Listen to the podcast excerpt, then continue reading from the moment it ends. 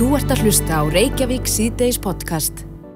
Það er alltaf gaman að því þegar það er mikið um að vera í, í skólum Mm. og við uh, það berast oft okkur til einna skemmtileg námskeið sem að eru haldin hér og þar. Einmitt það. Uh, Eitt slíkt er hjá starfsment Já. fræðslusetri Mm og heitir því nafni að kæla eða róa erfiða viðskiptavinni. Þetta á nú vel við í dag er það ekki. Já, við hefum allavega heyrt þó nokkra sögur Mhm. í þessum heimsfaraldri Já. af fólki sem missi stjórnarskapi sínu við, Vegna grímu skildu. já, til dæmis eða bara hverju sem er, það verðist mjög lítið stundum þurfa til, Stuttu þráður. algjörlega. Mhm. En uh, manneskjan sem kennir þetta áhugaverðanámskið heitir Margrit Reynisdóttir og hún er með MSC í stjórnun og stefnumótun og alþjóða markaðsfræði Mhm. og hún er á línunni. Kontu sæl, Margrit. Já, sælblessu, að höra í ykkur. Sömuleiðis. Sömuleiðis. Eh, nú, eh, sko, ég er nú ekki tekið eftir svona námskeið áður. Ertu búin að kenna þetta lengi? Já, Já. Um, það er örugglega bara, bara rúmur áratúr. Og er meiri þörfa þessu núna heldur en oft áður? Já, það er meiri þörf. Það er eins og, sé fleiri pyrraða núna eins og sé einhvern veginn stittra í, í, í pyrringir og reyðinni hjá fólki. Já. Mm. En uh, Hvað svo, það? hvað, hvað kennir og og hvernig kennir fólki að, að tækla þessa örgu viðskiptaðinni? Þess að sko viðskiptafinni. Við erum með tvær leiðir eh, að því voru að tala um fræslu setið starfsmenn. Við erum til dæmis með rafrætnámskeið þess að fólk getur farið í þetta á þeim tíma sem, sem hendar. Mhm. og það sem við erum mjög mikið að kenna þeim nummer 1, 2 og 3 að taka sér ekki persónuna. Mm. Það muni allir lenda í þessu og sömur oftar en einu sinni og sömur mörgur sem á dag. Þannig að viðskiptavinnurinn sem missir stjórn á skapi sínu uh, gæti gert það í rauninni hvar sem er. Það beinist ekki að starfsmanninum sjálfum. Nei, það er mjög sjálfgeft að, að, að það sé hvað sem starfsmörun hefur hann eða hún hefur gert mistök.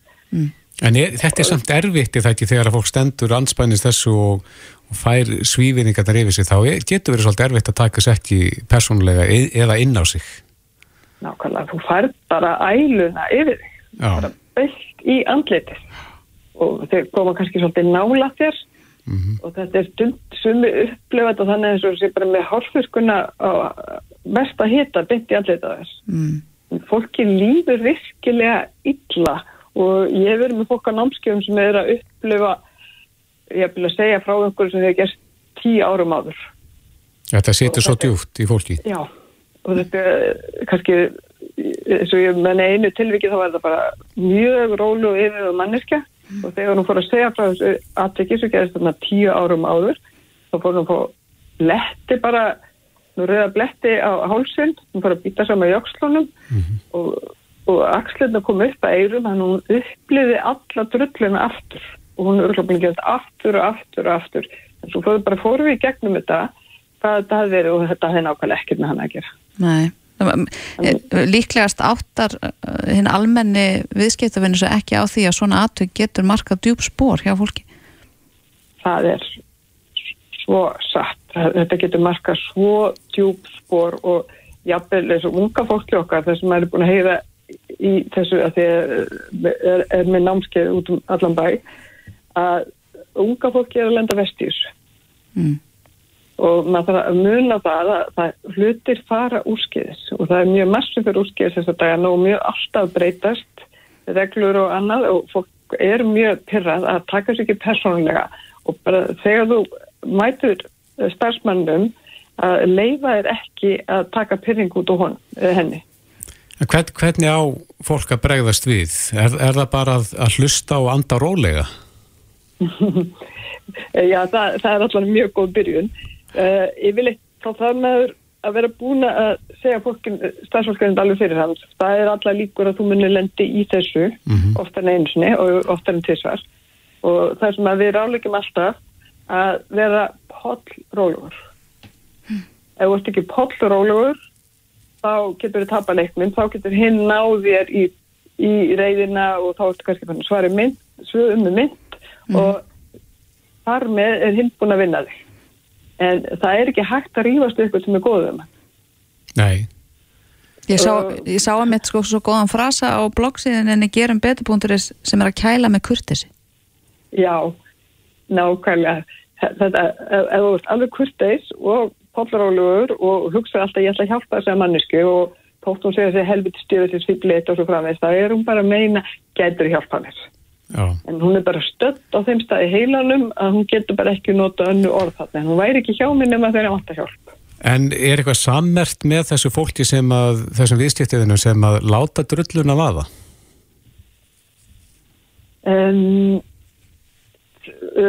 sömu tilvíkum þá komast upp með þetta og sömu tilvíkum, þú veist, eru vöna að komast upp með þetta og það er enginn sem stoppaði á af og, og en stundum hefur eitthvað verið að gerast í, í þeirra eigi lífi. Mm fólk hefur jafnvel verið að missa náu nættingja uh, á sjúkrabyrði og bara er þarna í mjög slæma ástandi og er að taka þetta út á þessu sískildi. Mm Þannig að það eru mjög fáur sem eru uh, í eðlisinu uh, þetta er reyðið viðskiptavennis. Þetta eru vel bara dagsfarsprútt fólk sem er að missa sér tímabindið. Já, Og við erum að hjálpa þeim að ná sér niður, kæla þeim niður, leifa þeim að blása, helst að fara með þau þar afsýðis og að, þau, aðrið þurfi ekki að horfa á þau leika trúð, þau láta bara svo trúðar. mm Og svo að reyna að hjálpa þeim. En, en fær starfsfólk í þessum þjónustu gera í verslunum og öðrum slíkum stöðum, fær það næga þjálfun í nákvæmlega þessu? Ég man nú ekki eftir að þetta hefur kent þegar ég var að vinna í búði í Kanada. það hefur ekki breyst. Nei, það, það, það er ekkert aðlafa en það, það er jafnvel að starfsmenn hafa bara lappa út eftir að upplifa þetta að þetta marka svo djúpspor Já, að það er ekki búin að segja hvað það gera það er ekki búin að segja það með, með mjög tónalega viðskiptavinn og þú tristir ekki í þetta sem bara allt í lagi. Að þú átt að kalla strax á, á verslunarstjóðan eða vakstjóðan eða yfir mann En ertu með eitthvað ráleitinga til eh, annara viðskiptiðina sem að verða vittni að svona framkomu? Geta þeir eitthvað neður bröðist við?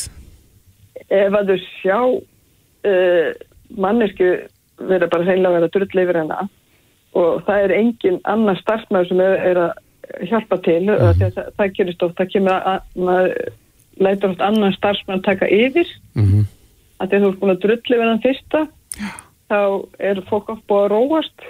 Og næsti sem tekur við er, er með uh, rólegan uh, viðskiptavinn Já, en ef að því er ekki til að dreifa og, og það eru bara viðskiptavinnir í kring, segjum bara röð á kassa og fremsta mannistjan lætur drulluna vaði yfir kassa stafsmannin?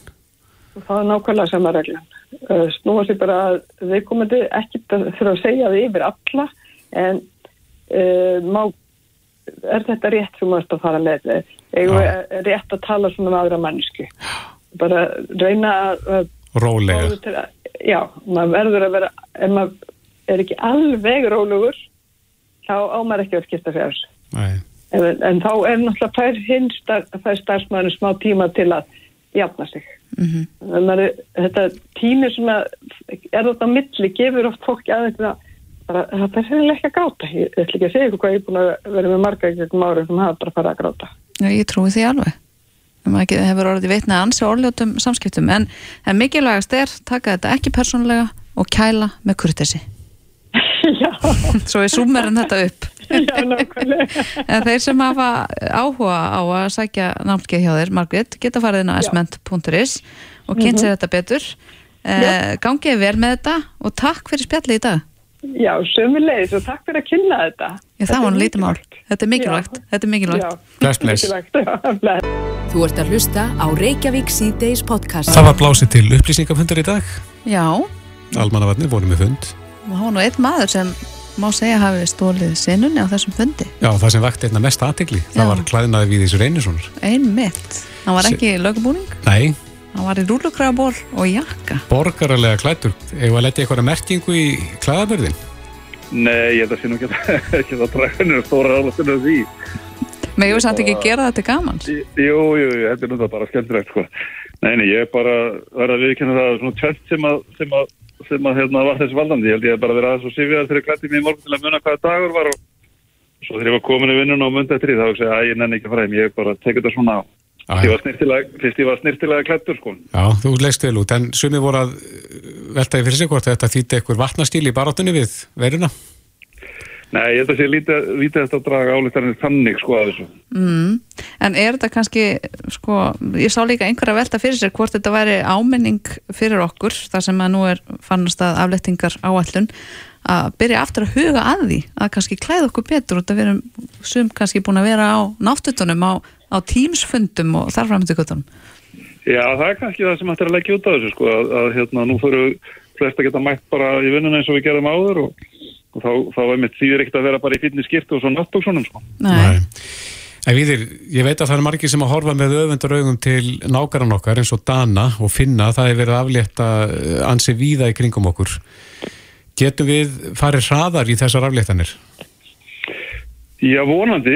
Það var nú verið að gefa það bara núna á þann að það er búið að taka bort einsmættisreglun á sitandi viðbúrum þannig að það er, það er enn breytinginu viðbútt mm -hmm. það er verið að skoða allt þannig að við erum að fara yfir þetta hverjum einasta degi þá skoðum við þetta og, og við þetta, erum líka að horfa hvað löndin í kringum okkur er að gera og hvernig þeir eru að nálgast þetta og, mm -hmm. og það er allir með einhver aflettingar á allir menn gera þetta misrætt og, og hérna, normenn eru læður á stað, þeir, þeir alltaf að hérna svona af, aflétta öll í februar, danir eru búin að kannski ganga lengst, finnar eru konum við sína afléttinga á allir og allir eru bara að meta stöðun út frá þeim gögnum sem er hjá, hjá þeim það er, það er þannig, það er svona gott að hafa það í huga að, að við erum stödd bara á sikkurum staðnum þessi, þessi lönd í, í hérna farandirinn, það var nú verið að gera grína því á Twitter að, að hérna veiran breytist greinlega ef hún, ef hún var sett í flugvíl og flegi til Íslands, það var alltaf einn stað á Danmark og Íslandi og, og það hefur nekkit með flugið að gera, það hefur bara með stöðun að gera, það, við fengum þess að bylgjum setna til okkar heldur en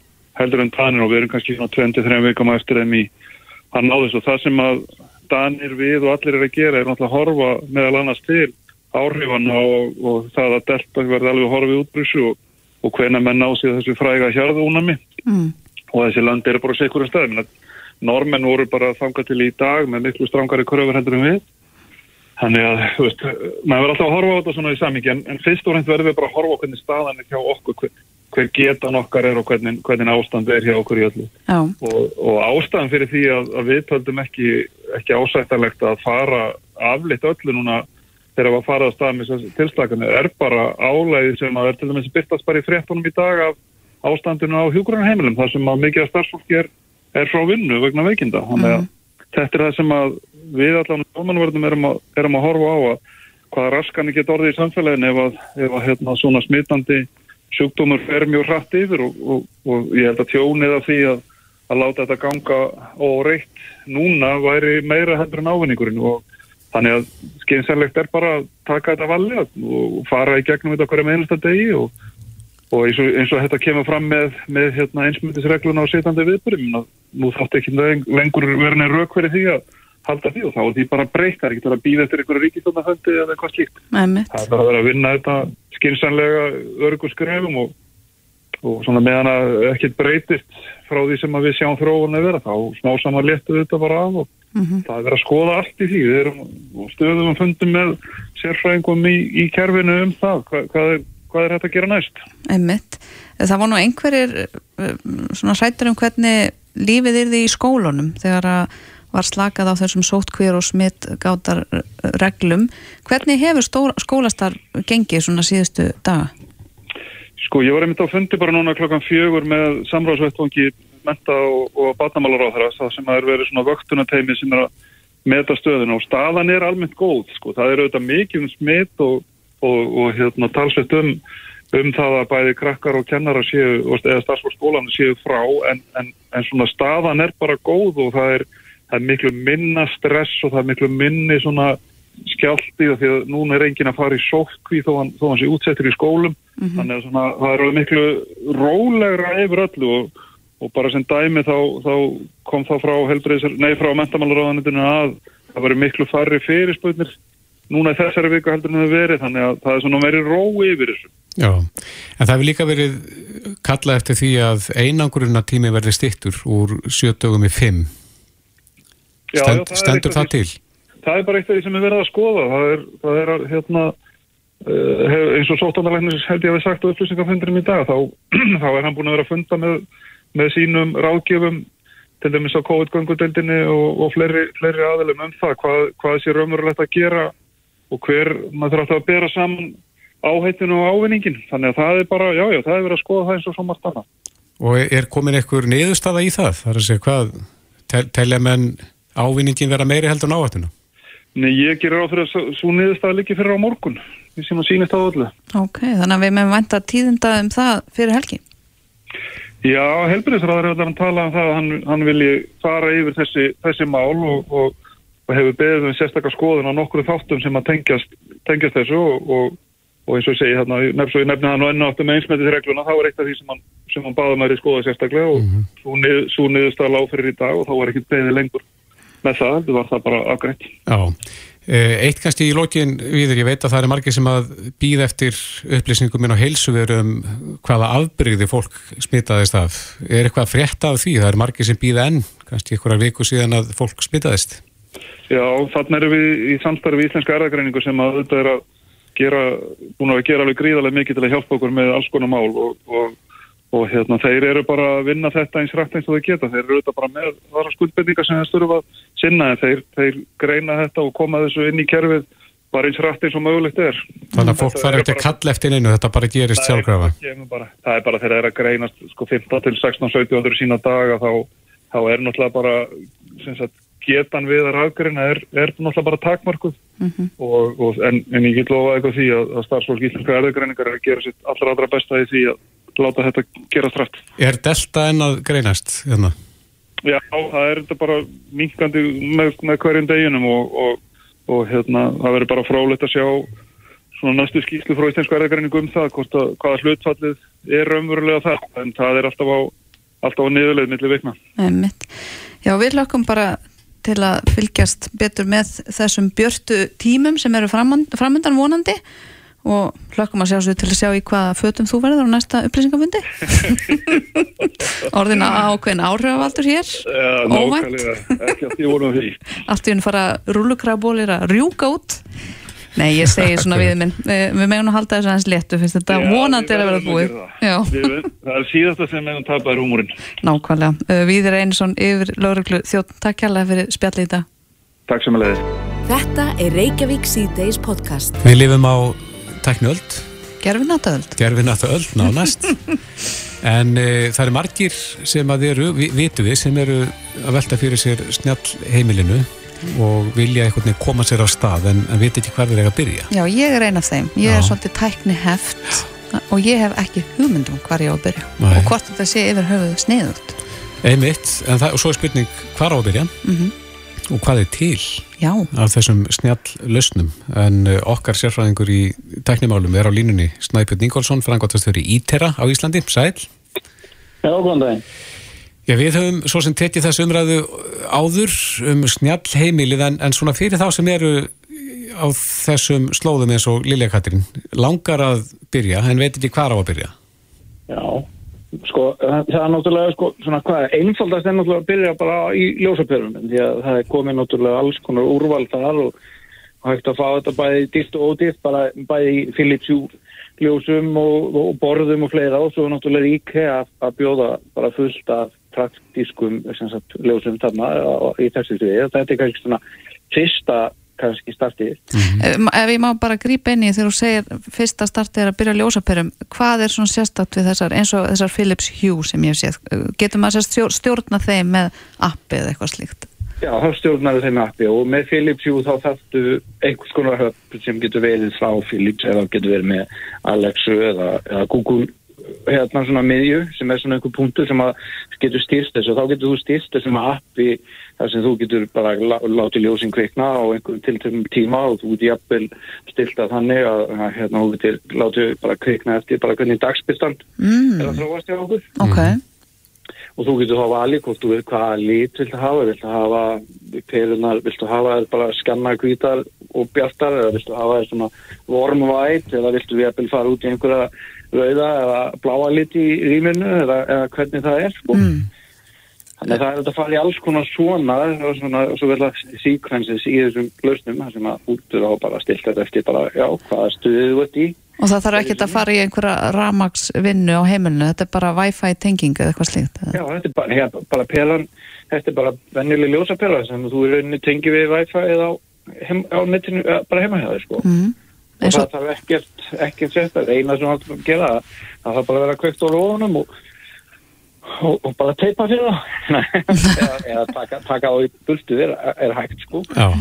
þannig að það er svona ein- einfaldasta leiðin að byrja Mm. Og þú nefndir hérna líka Alexu eða Google Home eða Já. Google Assistant, svo er þetta rattstýra þessu líka þannig að þú getur bara leigið í sófanum og, og beðið Google Home eða Alexu um að uh, kveikja eða já, eða dimma eða hvernig sem það er. Já, bara eins og hérna heima með á daginn þegar hérna svona byrjaði að lögka þá byrði Alexa bara um að kveikja á kósi og þá kveikir hún á þá kveikir hún á hérna tveimur fallega lömpum í stofunni hjá mér og ég er með svona rafmagnsalinn og hann er á sem sagt, svona, svona smart tengli sem ég er þá búin að tengja líka Mm og, og, og þá kviknar, kvik, kviknar upp á arninum og það er aðalega kósi í stofunni hjá mér. Já, þannig að kósi, orðið kósi segir þá kerfinu hvaða ljósa og kveikja og hvernig. Já, þá er ég búin að setja það inn í svona, inn í sem sagt, svona grúppu. Og svo þegar ég fyrir að svo á kvöldin þá segja ég bara Alexa góða nótt eða góð nætt því miður, þá tala þessi tæk ekki að það alveg íslensku. En að það, það það, kemur. það horfum við til betri vegar. Ok, þú ert alveg búin að selja mér þessar ljósaperur. Já, hvað svo? Svo er náttúrulega bara, sko, bara það er alltaf á flegi ferði í þessu og það er náttúrulega komið líka að búa að snjallvæða sjómvörpinn sem eru með ákveðinleita en þú getur bara að tala beða Alexa að kveika sjómvörpinniðinu ef þetta er í svona nýri tæki. Uh, það er komið konar hitastýringar það er til, þú getur keift hérna mótora fyrir rullugardinu þinnar og, og sem sagt til að hafa sem sagt stýra, láta þær fara upp og niður og upp með slíkt. Mm það eru konir opnar þar sem þú getur raunni hent hérna steikin inn í opna á mótni og svo getur við hérna sagt honum að hérna kveikja á þessu hittastígi og eftir, eftir hálftíma á hann að fara niður í þetta hittastígi og, og svo þegar steikin er tilbúin þá lætur við grillið á til þess að brúna steikina eða eitthvað slíkt.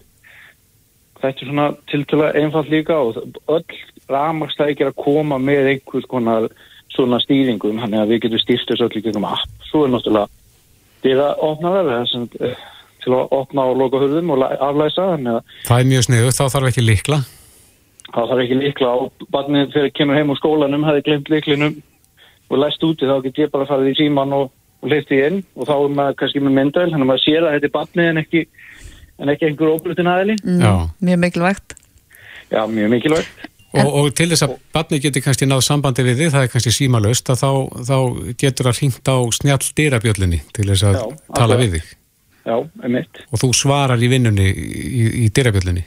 Já, þá getur ég svarað því og þetta er líka mjög hendur sem dæmi að þú ert að panta maturur í gegnum neturslum eða eitthvað slíkt. Mm en þá getur við bara beðið viðkomandi að það er kannski getur við og, þannig að koma með vörunar við hendur að byrjum sagt já, hendur bara hérna í fórstun og ég opna fyrir þér. En sko þe- þetta samt að tala núna eins og dýrabellan og myndavelarnar og svona það krefst kannski meiri kunnáttu þá þarf að setja þetta allt upp og svona. Sko, megnum til, eina kannski varðanir eins og hérna með snjallásin, þetta er tiltúlega bara einföld uh, viðbót og bara þessar assa skrár sem að, eða læsingar sem er mikið í húsum í dag, sem að, er svo bara rafdrifin sem sagt á það. Mhm. Þannig að Þannig að mjög margt af þessu krefst ekkert einhverja brjálara þekkingar eða, eða reynsla af einhverjum innanmannastöðum. En svo getur við alltaf farið í hérna, snjall baðkar eða, eða snjall klósett sem að mér finnst alltaf rosalega áhugavert sko. Hvað gerir snjall klósettið? Já, það bara græja þannig að þú kannski kemur og sest og um leið og þú stendur upp þá stuttar það niður þannig að þú ert kannski aldrei að snerta það. Já, Nefna bara rétt, rétt raskinnunar að klappa í þegar maður, maður sest og þú getur með því að láti hýta setuna en heyrðu þetta er snæbjörn ég vil hafa setuna í 36 gráðum því ég sest. Já, ok, ég er ekki alveg komið þáka en, en einhver tíman En þau bjóða líka upp á pappíslaus viðskipti þetta þessi klósett. Jú, jú, svo getur þú keftu með, með skóli og öllu sko þannig að já, pappislega sviskiti, mjög gott já, ég hef heyrt að þetta sé mjög heitt í Japan Já, en, en þetta er sko, svo er það bara spurningin, bara hvert ber hugurinn? Og það er, það er útrúlega gaman að sjá og það er á Facebook, eru, eru grúpur, snjallheimili, það sem að menn er að forvittnast um alls konar svona hluti sem bara mjög gaman að sjá og miklar pælingar umræður oft hvað á sér stað, mm hvað er, um að, hvað er um að skil og það er bara, það er ótrúlegt hvað fólk er að, að brasa sko, svo ertu komið hérna, útkom, það er til líka bara að það var baðviktir Mm. Sem að taka hérna og mæla bara þyngd og það geta fytumælt og þú fær það bara skráð byggt upp í eitthvað app til þess að hérna fá svona stuðuna og fylgjast með þróuninni hjá þér. Mm. degið til dags, viku til viku eða mánuð til mánuð sko. Mm og maður fann að geta sett inn einhver markmið og, og allt í þessum dúr. Einmitt. að því þetta snýst líka bara um í rauninni snjátt heimil líka svona svo verabúls þar sem bara þú ert með svona klæðaleg tæki eins og bara snjátt lúr og fleira og, og þannig að allir þessi búna tali saman á einn eða annan hátt Já, er eitthvað nýtt að koma svona í, fyrir nördana sem að, sem að þurfa að eiga allt? Sko, það, það var kannski að ég fór aðeins lögslegu við með þér í, hérna, í byrjun ásæðin spurt að vera verðandi hérna þessi stólu aðeinar sem eru að framleiða er að saminast um standard eða staðar Mm -hmm. sem það sem að tækinn tala saman þannig að þú ert ekki bundin að því að kemur eitthvað nýtt spennandi sjónvart frá Samsung þá þurfur að henda út öllu dótunum til þess að geta við með Samsung tæki og láta það tala við annan búna sem með heldur eru þau að saminast um staðar þannig að þú getur hérna nýtt betur þann búna sem átt á móti því sem þú ert að kaupa Mhm. þannig að það þau tali frekar saman og það er náttúrulega líka partur af svona þessari sjálfbarni umræði að hérna nýtum búnaðan okkar lengur ekki skipta bara skiptum tæki bara til þess að skiptum tæki að því að því langar í einhvern flottan fítus í einhver öðru tæki. Einmitt. þannig að þetta er að koma inn á þetta og, það, og allt líka annars talandi þá um sjálfbarnina er þú ert komin út í þessar ljósaperur og, og fleira. Þú ert komin í orkustarna sko. Mm, Já, einmitt, þetta sparar orku og þær, þær lifa lengur það lifa lengur og já, spara talsverða orku og þú getur styrt svo miklu betur bara að leið og dimma aðeins ljósin það þannig að spara spara ramar. Já, og ef einhver gleymir að slökka ljósin þá getur maður kannski bara slökt á þeim þegar maður er komin í vinnuna Já, og þú getur bara sett líka í reglu og bara, herru, ef það er engin heima, heima engin heiming í einhver tíma þá bara slökna ljósin klukkan tíu eða, og svo að þegar það er að sofa kvöldi, þá slökna öllu bara klukkan 12 eða halv eitt og gleymir að slökka á einhverju mm. Þannig að þetta er alls konar, er alls konar svona hægraði annað í þessu sem er mjög áhugavert að, að kynna sér hvað, hvað maður getur gert sko. Já, þetta er fýll leiðavísir fyrir þá sem vilja fara að stað. Erst þú ekki eitthvað nær, Lilja?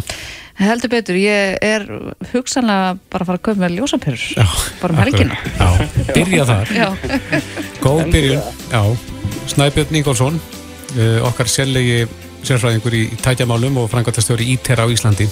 Kæra þakki fyrir þetta. Já, takk samlega, skam með ykkur. Þetta er Reykjavík C-Days podcast. mér flögrar yfir yfirbors og síndaramennskunni í íslenskum stjórnmálamönnum þannig hefst pistill Viljáms Birgissonar sem er á, byrstur á vísi í dag skoðana pistill og hann er að klífa ansi hratt upp listan yfir mest lesnum pislana Já, akkurat. Hann sparar yfirleitt ekki stóru orðin. Ó, nei. Uh, Vilhelmi Birgisson, sem er á línunni, kom til sæl. Já, komið þið sæl. Já, þú ert að velta fyrir þér því sem að við höfum margóft rætt um við þig, eða það ekki, það er húsnæðisliðurinn inn í vísitölunni. Já, það er svo hárétt uh, hjá þér að við höfum rætt í þessum þætti á liðnum árum um húsnæðisliðin inn í vístölunni því að hann er að leika gríðarlega stort hlutverk í verðbólgunni á Íslandi. Og uh, þegar ég hef verið að skoða þetta svona í gegnum árin og, og dusta ríkið af því sem að maður hefur skoðað svona á liðnum árum að þá kemur bara í ljós sangat gögnum frá hagstofinni að á síðustu tíu árum að þá er 50% af verðbólk á Íslandi knúin áfram vegna húsnæðisliðar. Mhm.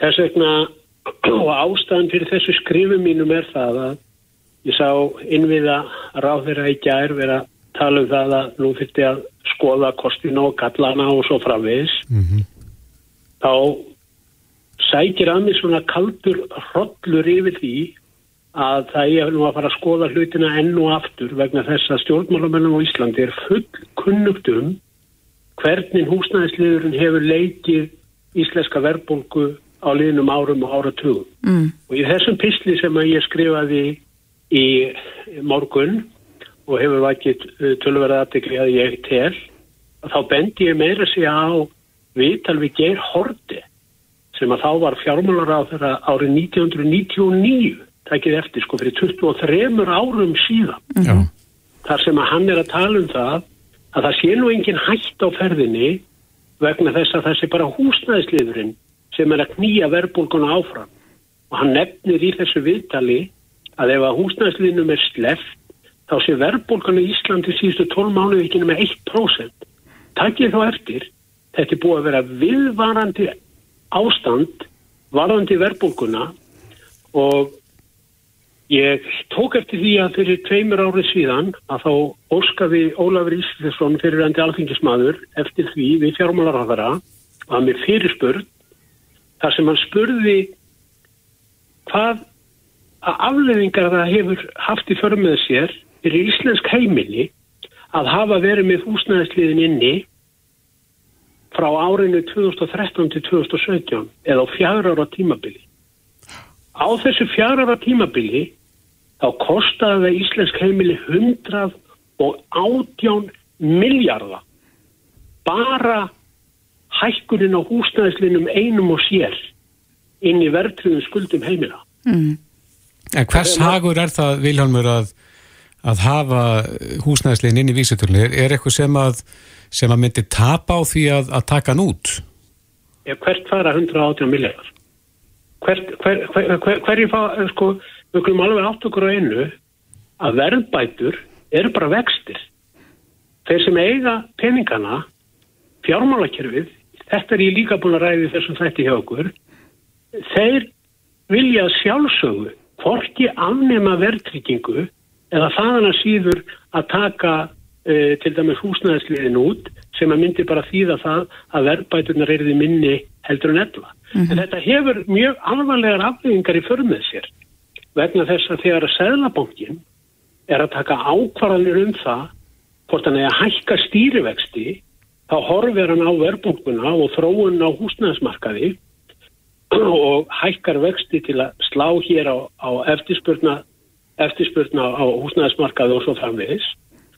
Og þess vegna líka í þessum písli þá bendi ég á bref sem að samtök aðlýsins skrifuðu fórsetisráð þeirra árið 2007 það sem eru að benda á það að það sé fyrst og fremst húsnæðisliður sem er að knýja verðbólkuna áfram frá árunni 2004 til 2007 50% og þeir benda á að þrátt fyrir að Sæðlabanki sé búin að hækka stýrivexti þá úr 5,6% í 13,3% þá hafi það ekki haft nein áhrif á uh, uh, uh, verðbólkuna, ekki nein. Vegna þess að eftirspurnarliðin lóðaskortur og frambóðskortur var það mikill að fólk kefti samt sem áður. Við verðum í mínum huga að fara átt okkur á því að við getum ekki horta á þetta átulust stundinni lengur.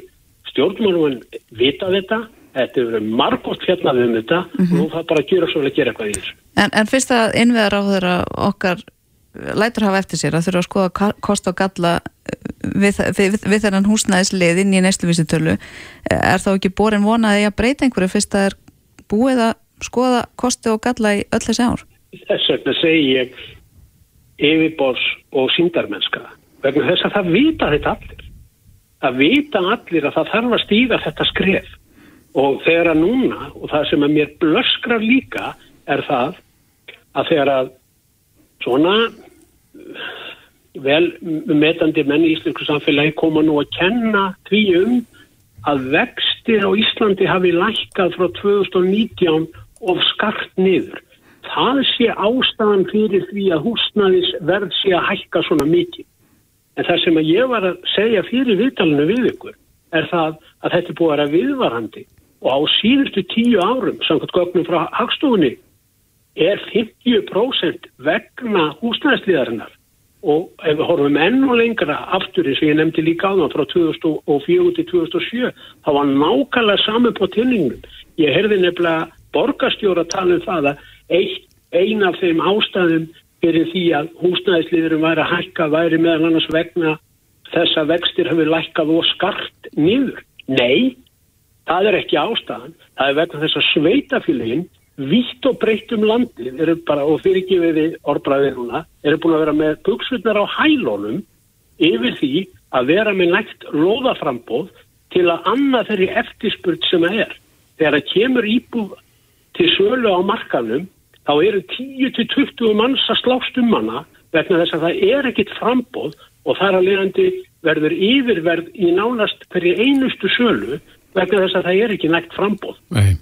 Þetta er megin ástafan. En það eru blíkur á lofti núna og, og menn eru mjög smekir við þessa verðbólgu sem að bara stýgur. Ef að þetta er nú bara afnumið á morgun, eh, segjum það bara, það er bara gripið í taumana með einu pennastykki, hvað myndi gerast Svona við það að húsnæðisliðurinn færi út úr vísutölinni? Myndi Já, staðan en- eitthvað breytast bara strax? Við skulum taka bara sem dæmi. Ef að húsnæðsliður væri ekki inn í vístölinu núna, þá væri verðbólgan ekki 5,7%, heldur 3,7%. Já, Það er bara en- en 2% við það að- er bara 2% niður. En, en, en auðvitað er þetta kannski ekki alveg svona en, en það sem að þarf náttúrulega að gera núna, fyrst og fremst, það er nummer 1, 2 og 3, að það er að anna þessari frambóðslið sem að vantar. Sveitafélagin verða að gjöra svo vel að vera með nægt lóðaframbóð þannig að húsnæðisverð hætti ekki svona stjórnlust eins og það er búið að vera að gera. Það er, það er líki latriði og þegar við erum að tala um svona rosa, sko, við erum nefnilega ekki sömu stöðu og önnur lönd sem að eru ekki með fjárskuldbindingar heimilana í, í formi verðtryggingar eins og við. Það eru 1400 miljardar af skuldum íslenskra heimila nátengt hækkun á, á nýsluvístunni. Þetta þekkist ekki í neinu síðmynduðu landi nema hér á landi. En vægi verðtriður að lána er á leiðinni niður eða ekki? Er, eru Íslandikar ekki fannar að halla sér að verðtriðum, óverðtriðum lánum? Hárrétt, það sem að okkur tókst í lífstjærasamningnum var að fá selabankar með okkur í lið og ná að lækka vextina niður sem gerði það verkum og takja nú eftir að verðtriðar skuldir heimilana eru orðnar jafn háar eins og óverðtriðar. Fólk hefur verið að reyna að losa sig úr viðjum og hrekkjum verðtryggingar og hefur tekist það á liðnum e, tveimur, þremur árum en nú horfir til verri tíma með það ef að vextinni fara upp aftur þá óttast ég það að fólki verður ítt aftur út í verðtriðar hluta. En sko, Viljámur, mér finnst að skína í gegnum þessum pisli sem þú skrifar að þú ert fyrir löngu búin að fá nóg. Er, einhver, er eitthvað eftir af bjart sínum að þessi mál munu breytast núna í nánustu framtíð? Nei, veistu það, ég, ég skal alveg fúslega viðkynna það. Ég hef búin að sitja upp í stjórnaráði. Ég hef búin að sitja á fundum uh, hjá uh, fjármálráðandu þar sem er búið að vera að ræða þessar hluti fram og tilbaka í gegnum ári. Við rættum þetta mikið í, í, í, í lífstjærasamningunum síðast og, og, og, en maður má aldrei missa trúna. Mm. Ég, er samfarið um það að drópin hólar steinin. Eina sem þarf í þessu verkefni er kjarkur, vilji og þor. Og það er löngu tímabært að stjórnvöld á hverjum tíma fyrir sig fari nú að taka stöðu með almenningi, taka stöðu með heimilunum og fara að taka stöðu með fyrirtækjunum gegn fjármála elítunni og arðsemis elítunni. Þetta, þetta er bara skilabóði sem ég hef til, til stjórnvalda. Ég hef ekkert verður aðgjert. Þá óttast ég komandi kjærasamlinga því að almenningur í þessu landi, hann getur ekki endalust tekið við hvort sem að það eru herri vextir, herra vöruverð, án þess að við í verkalisvingunni þurfum að bregðast við því til að reyna að auka ráðstöðunatíkjur okkar fólks. Hefur einhver á þingi gert þetta sínu bara til máli eða reyfir enginn við þessu þar? Jú, það hafa verið lögð fram e, þingmanna frumvörp um að taka húsnæðsliðin út og yfirleitt er þetta fælt. Yfirleitt er þetta fælt, einhverja luta vegna. Þetta hefur margóft verið rætt á þingi og það er það sem ég er að benda á. Það er þessi yfirbós, yfirbós kenda síndamennska sem er í gangi. Það vita allir hvaða afleggingar þetta hefur. Það þarf bara að gera eitthvað. Það er margbú að ræða þetta á þingi. Þannig að, að, að ég bara skora á þingheim að fara nú og einhenda sér í það að gera þetta með sambarlegum hætti og í þeim löndum sem við erum að bera okkur saman við mm -hmm. því að fyrir okkur íslitingar sem erum með verðriða skuldir þá hefur þetta svo gríðaleg áhrif og miklu meira áhrif heldur en í öðru löndum sem við erum að bera okkur saman við. Einmitt það. Uh, Vilhjálmur Byrkesson, formað verkefliðsfélags Agnes, takk fyrir spjall í dag og gangi að fara vel í þessari baratu. Ykkur líka, takk, takk. Takk, bless.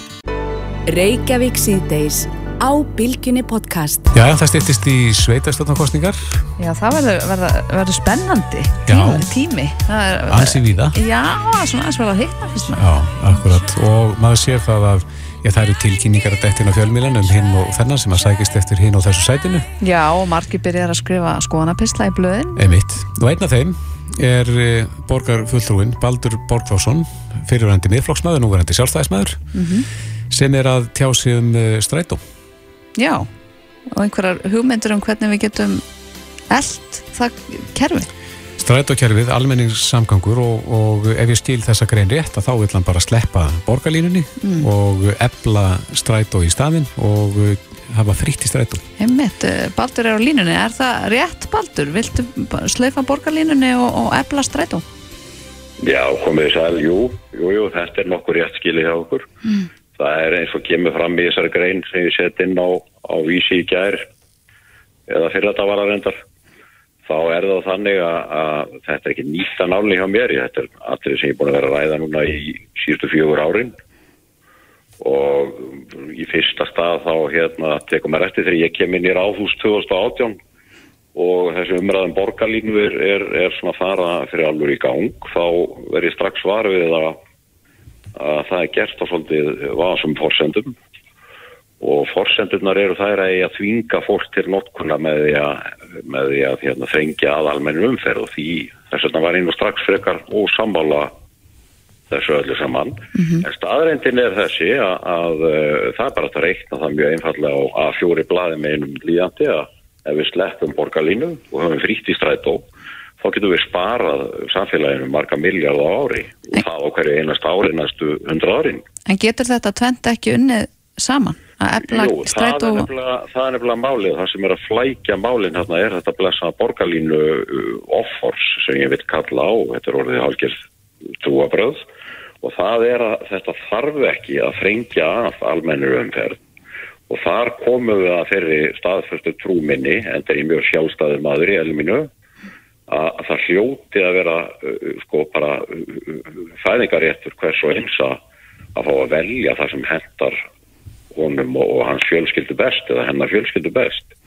Og það er akkurat það sem að ég lít á málinn þannig og öðruvísi heldur en fulltrúar í meirulutanum og það er okkar uh, fyrstu skildur séu ekki í rauninni ekki flóknar þar séu þær að við tryggjum frambóð ólíkra valkosta á öllum sviðum og leifum síðan hverjum og einum að velja það sem henda best.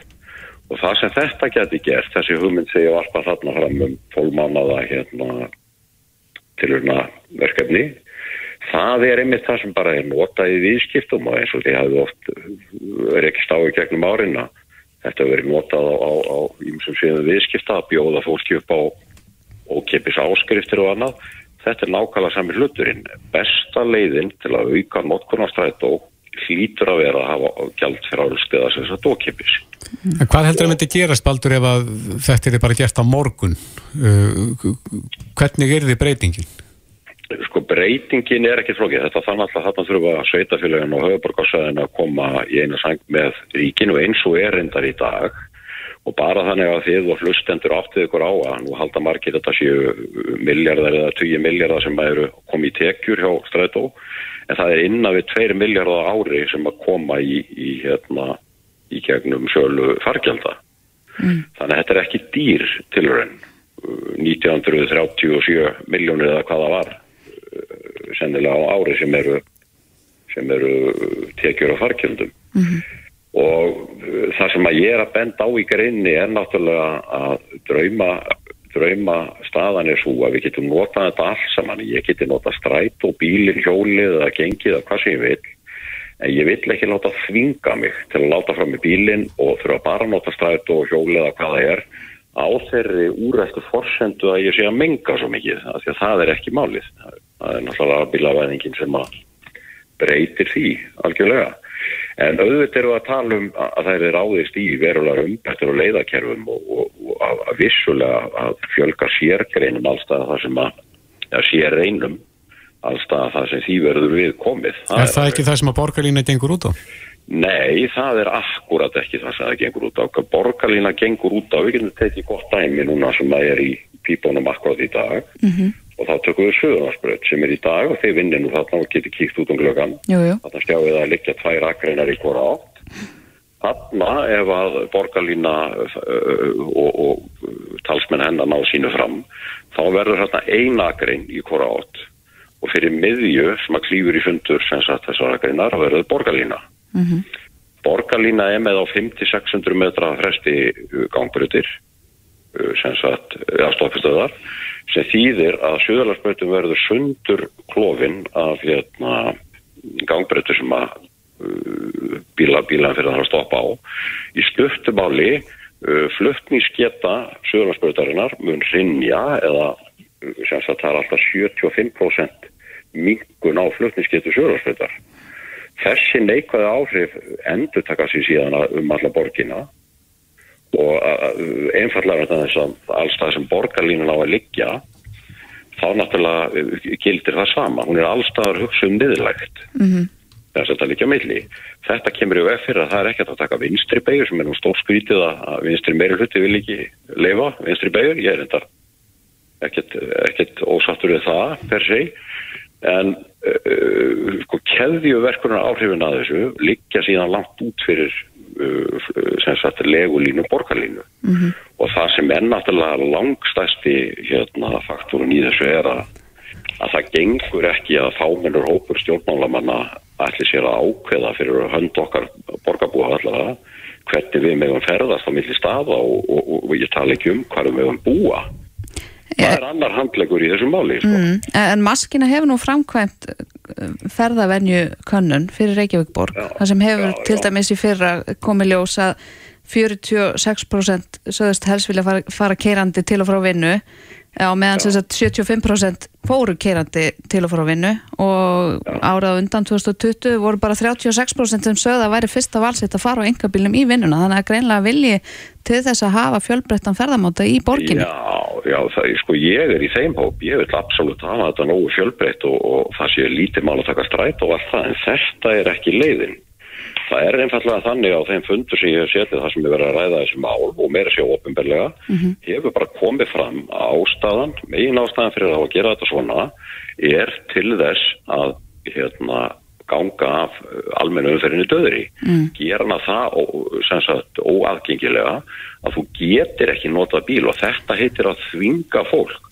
Þetta er svo að þvinga fólk í hjónaband, skilur, það er allir á móti því mm. og, og ég er jafn mikið á móti þessu. Ég vil þetta vinni allt saman í harmoníu og það gerum við með að byggja upp alla samgöngum á þetta samhliða, þá erum við ekki vandamál. Það er einfalt mál. Eh, Þetta með að hafa frítt í stræt og var prófað á Akureyri fyrir já, meirinn áratug síðan. Hefur eitthvað kynntir hvernig, hvernig það gekk? Nei, ég, ég sko, ég vissi var það nú bara í gangi enn á þess að ég þór nú að sverja fyrir það en það var alltaf allavega í fjölda ára og, og vistist bara ganga vel. Ég veit ekki hversu uh, sennilega er það nú eitthvað sem maður væri, væri forðild að kynna sig en það er kannski ekki alveg uh, líku saman að jafna sko. Nei. En myndur vilja sem að- samhliða þessu baldur uh, fjölga ferðum, auka tíðni stræt Já, og... að, að sjálfsögðu, við getum notað grunnkonseptið í þessu sem eru þessir hérna, borgarlínu ásar eða sem sagt það er miklu braut og, kringlega braut og, og, og sem sagt vesturlandsvegur og þetta allt saman og Reykjanesbrautin, við getum notað þessa ásá látið, látið stræt og bara vennilega stræt og keira það með mjög stuttu byggtíma á milli og við veitum þá kannski eins og ég sé þetta fyrir mér að væri kannski smærri vagnar sem er að keira úr hverfum inn að þessum uh, ásum en að alltaf fara að sabotera með, því að, með þessum hættir sem er þannig lagt til, það gengur ekki. Mm. að því að þetta spila líka inn á annan risastóran hlut og þess vegna ég meina kostningarna snúist um, um samgöngumál og, og náttúrulega húsnæðismál og það er vegna þess að það er, við eigum hér fullt af flottu byggingalandi, við eigum hérna reyt M22 í Úlfarsátan sem að sem sagt liggur frá Báhás sem allir þekkja yfir að Úlfarsadalnum það sé er enda bísjálfur þannig erum við að tala um uh, frábært land síðustu suður hlýðar borgarinnar. Uh, upp á þarna er samkvæmt uh, aðalskipulagi reikna með 600-700 íbúðum. Þannig er ekkert gert Uh, keldur, þar getum við farið að skipulegja uh, húsnæði líka. Það er eitthvað annað eins ef ekki meira. Við erum að tala um þúsundir eh, sem sagt lóða og hérna lóða undir íbúð, þúsundir íbúða. Allt þetta, það er alltaf nei á sömu, með sömu rökum. Og það er að þetta samræmist ekki áallinu um, um borgarlínu einmitt. hvaða svör eru það, hvað skeður þá? Það, eh, það sem skeður er að það ríki neyðar ástand í bænum. Þannig að þetta hefur áhrif á miklu, miklu meira heldur en bara samgöngur. Þetta er að ganga okkur döðum líka í á, á húsnæðismarkað eins og allir vita Já, hvernig ástand, ástandið er þar í dag sko. einmitt, það verða mörg mál sem að verða brín í þessari kostningabortu er komin, komin kostningafyringur í því Já, já, já, já, það er hérna náttúrulega ég þarf ekkert að liggja undir feldi ég er að sjálfsögða þar í frambóð mm -hmm. já, sjálfsögða í vor mm en hvaða sæti ég ætla að sækjast eftir er ég nú ekki bara að ákveða við skulum sjá hvort það verði prókjör og hvernig prókjör áður en maður fyrir að tjá sínu það einmitt, ég er ekki tættur, ég ætla að reyðja frambóð þetta er eitt af því sem ég ætla að einmitt það. akkurat. Hérna, bæt úr þessu Já, Baldur Borgarsson, borgarfjöldrúi. Kæra þakki fyrir þetta. Já, bestu þakkir fyrir að heyra mér Bless, bless. Æ. Hlustaðu hvena sem er á Reykjavík C-Days podcast. Það heldur hann oft áður. Já, Og uh, það vakti þjóðar aðtikli þegar að uh, dýravendarsamtök frá uh, Austuríki náðu hérna myndum af uh, blóðtökur og blóðmerum. einmitt Þetta vakti mikla reyði í samfélaginu og, og nú liggur frumvarp fyrir þingi frá yngur Sæland þar sem að uh, lagti til að þetta verði bannað á Íslandi. mm Nú það voru ekki allir sáttir við uh, viðbrögð dýravendarsambands Íslands. Nei, það er Linda Karin Gunnarsdóttir og Rósa Líf Daradóttir skrifuðu pistilin á vísi fyrir mm nokkrum dögum þar sem að sögðu meðal annars að dýravendarsamband Íslands væri óvirt félag og starfaði ekki samkvæmt lögum og þær komu nú líka í bítið hérna fyrir stuttu og Einmitt. rættu þessi mál þannig að já, þær eru allavega ekki sáttar og, og fara og ekkert sérstaklega fögrum orðum um dýravendunarssambandi og segja í rauninni að það hafi brugðist þessu hlutverki sínu að vera málsværi dýra í landinu. Já, Hallgerður Haugstóttir, formaður dýravendarsambands Íslands er á línunni. Komdu sæl. Já, komið sæl. Já, hverju svararu þessu að, að þið séu að bregðast skildum ykkar þarna og bregðast dýrunum? Sko, Dís er 100 ára gammalt félag. Ég hlustaði nú að viðtali við þær og það hefur frá upphafi beittið fyrir bætingu og velferð búfjár en það hefur ekki barist gegn búfjárhaldi sinns líku. Mm. Við erum að gera nákvæmlega það sama og hefur alltaf verið gert. Við viljum að þessara sýst að sé bæstur og, og kannaður og það sé alveg á hreinu að það sé farið vel með þær og, og það er þólið það sem þeim er bóðið. Við sjáum ekki lausni þessu máli að slátra þeim öllum. Og það er í raun og veru það sem er verið að fara fram á. Það er aflagning þessar búfjárhald. Það er dálítið tísku í dag að fólk sko setur sig upp bara móti búfjárhaldi sem slíku óhaf velferð og lítið svo á að það verið að vinna velferð dýra með því að afleggja hérna búfjárhaldi. En þetta er ekki nálgun dýravöndasambassins. Mm.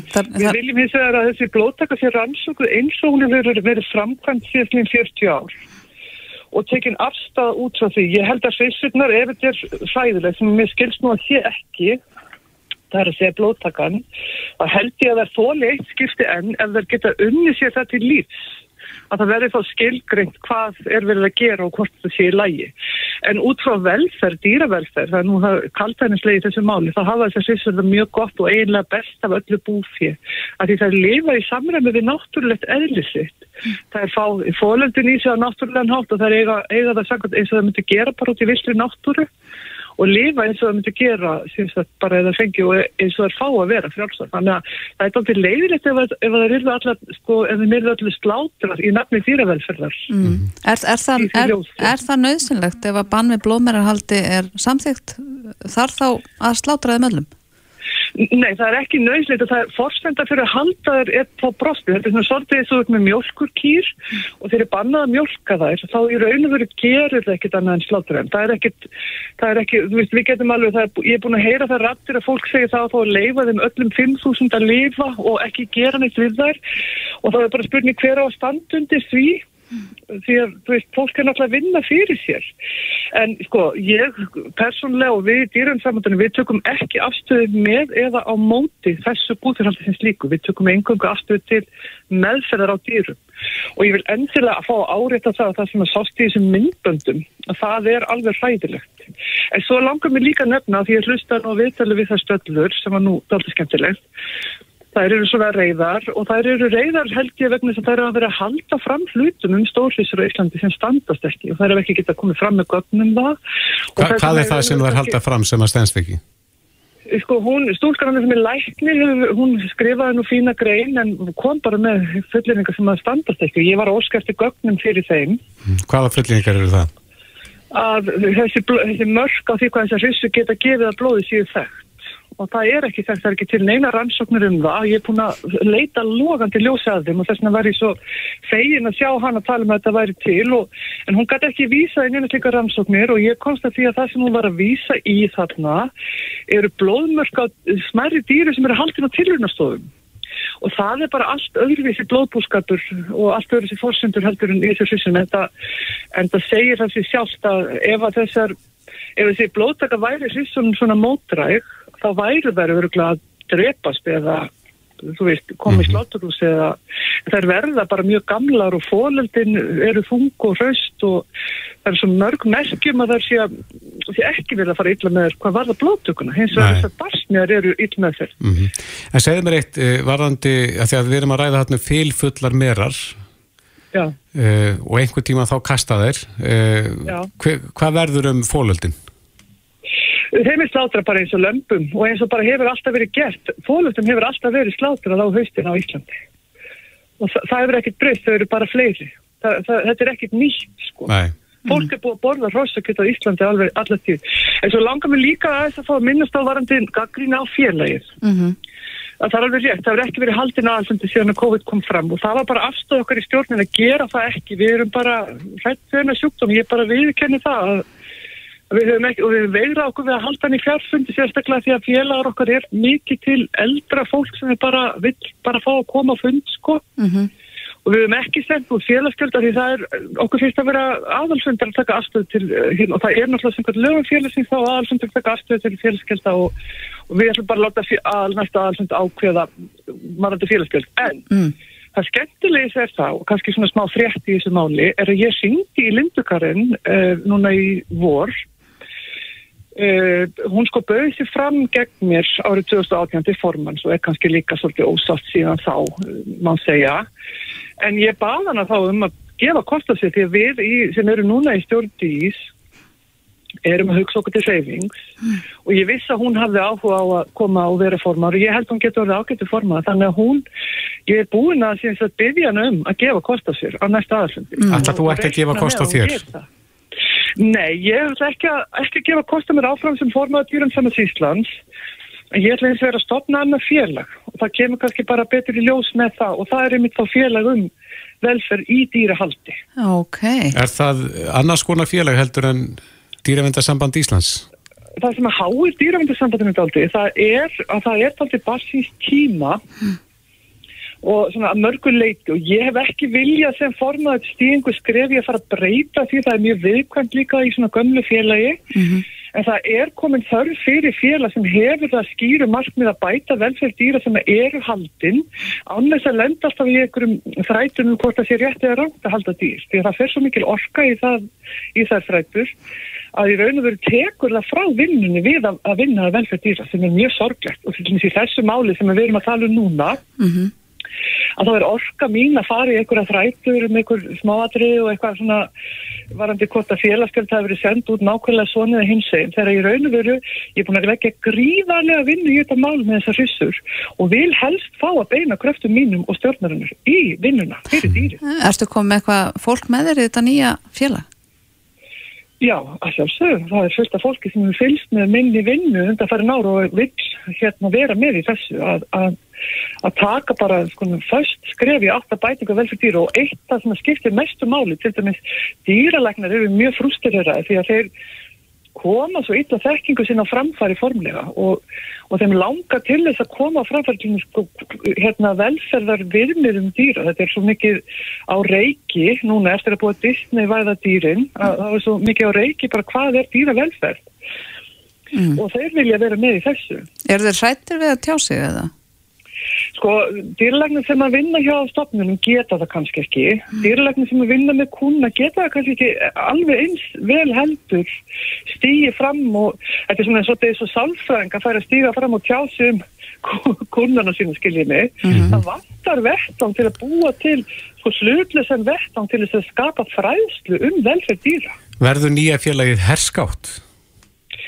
Það verður bara, sko ég reikna nú með að ég ætla að stopna að ég fái nú að vera formar í fyrsta kjörtímabili allavega og það verður bara alveg svo ég hef unnið undir minni formar sko en ég veit ekki hvað gerst svo nei en þetta verður ekki svona militant og alls ekki vegan félag sem er best gegn dýrahaldi óháð velferð dýr. En verður þetta félag stopnað á þessu ári sérstaklega? Já, ah. það verður stopnað á þessu ári. Hvenar er aðalfundur dýravendunarssambandi Íslands? Hann verður fyrir voru. Núna, núna er það alveg komið á hreint að COVID er að það er að bakka þannig að við treysum okkur til að fullera það. Hann verður núna í morg. Já, og þú mynd stopna nýja félagi þá byndt í kjölfar þess að, að ný stjórnverður kjörin þá á hinnum. Já, ég er að fara sko úr stjórn Já. og við, við erum að fara þetta fólk sem er með mér í stjórn það er flutt til Ítali og Svíþjóðar og það er alltaf á fjárfundum hérna, stjórnarfundum en, hérna, en það er bara komið tími á endunni og það er bara mjög gott mál. Er komið nafn á félagið? Já, þá heita félagum velferð við dýrahald. Mm. Já, já. Spennandi. Þið fylgjast með því. Já, já þú leifir okkar að fylgjast með því. Endilega. Uh, Hallgjörður Haugstóttir, formaður dýravendarsambands Íslands í smástundi við bót. Takk kærlega fyrir spjallið í dag. Takk kærlega. Reykjavík síðdeis á Bilginni podcast. Hvað er framtíðina eins og, eins og margt annað en, en eh, af hverju framtíða nefnd? Já, þetta er nú að fyrirmynd eh, frá Finnlandi. Þar hafaðu verið með sérnefnd frá 93 og, og síðustu 20 árin fastanemnd mm -hmm. og mhm. þetta hefur einst vel þar.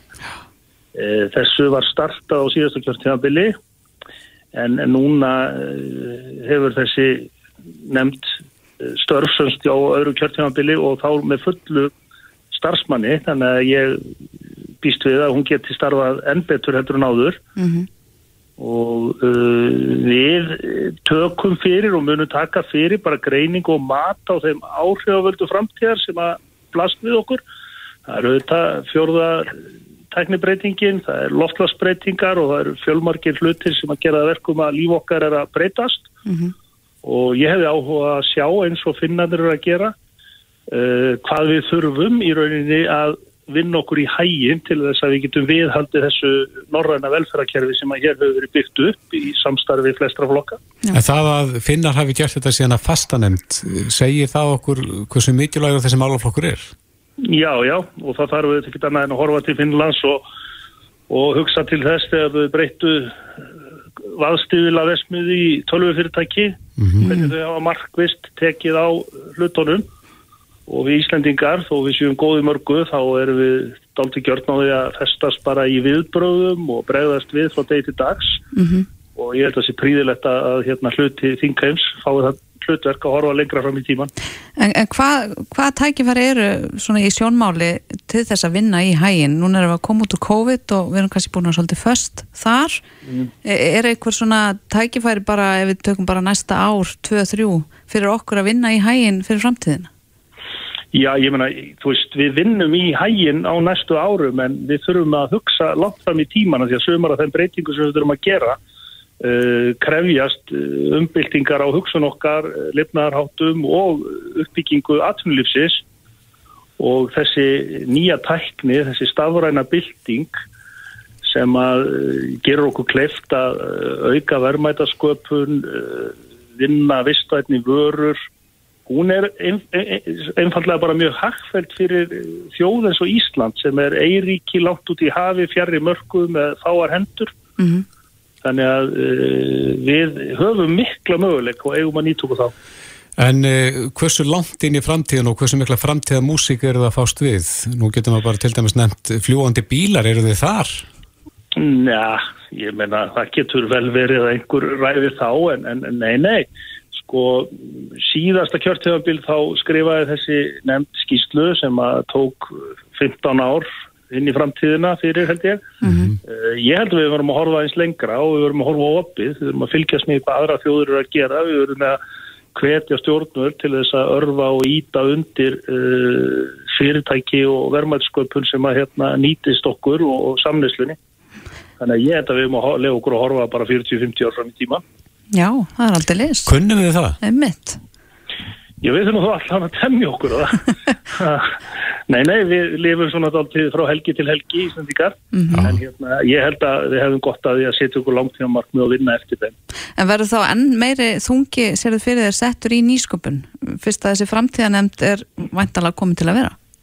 Já, ég held að það sé nú alveg óháð þessari framtíða nefnd. Uh, ég held að flestir séu sem betur verið sammála um að, að, bæði þurfum við að fjölga stóðum undir efnaðarslíðu okkar og auk þess er eh, nýsköpun og tækni eh, já, heppileg fyrir þjóð eins og okkur og við eigum mikla möguleika þar og við þurfum auðvitað að snýða okkar umhverju að því þannig að já, já, nýsköpun verður auðvitað ofalega bauði hjá okkur en líka í mörgum öðrum nefndum og hjá ríkistjórninu vonandi. Mm Já, það hefur náttúrulega verið hérna, alkunna að stóðirnar hafa ekki verið margar, þetta hefur verið sko, fiskurinn til langs tíma og svo ferðarþjónustan upp á síkastið.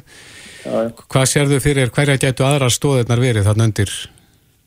Já, það er eins og þú segir, sko, að hérna, þegar þær voru fáar og þeim fyrir auðvitað fjölgað aðeins, en við höfum byggt tölvöld mikið bara á uh, vinslu náttúru auðlinda, en kannski ekki einbeitt okkur nægilega vel að því að íta undir þessa einu öðlind sem að er óþrjóttandi og því sem hún er meira notuð og það er hugvitið. Mm -hmm. Það hlýtur að þurfa að vera leikillin að okkar framtíð.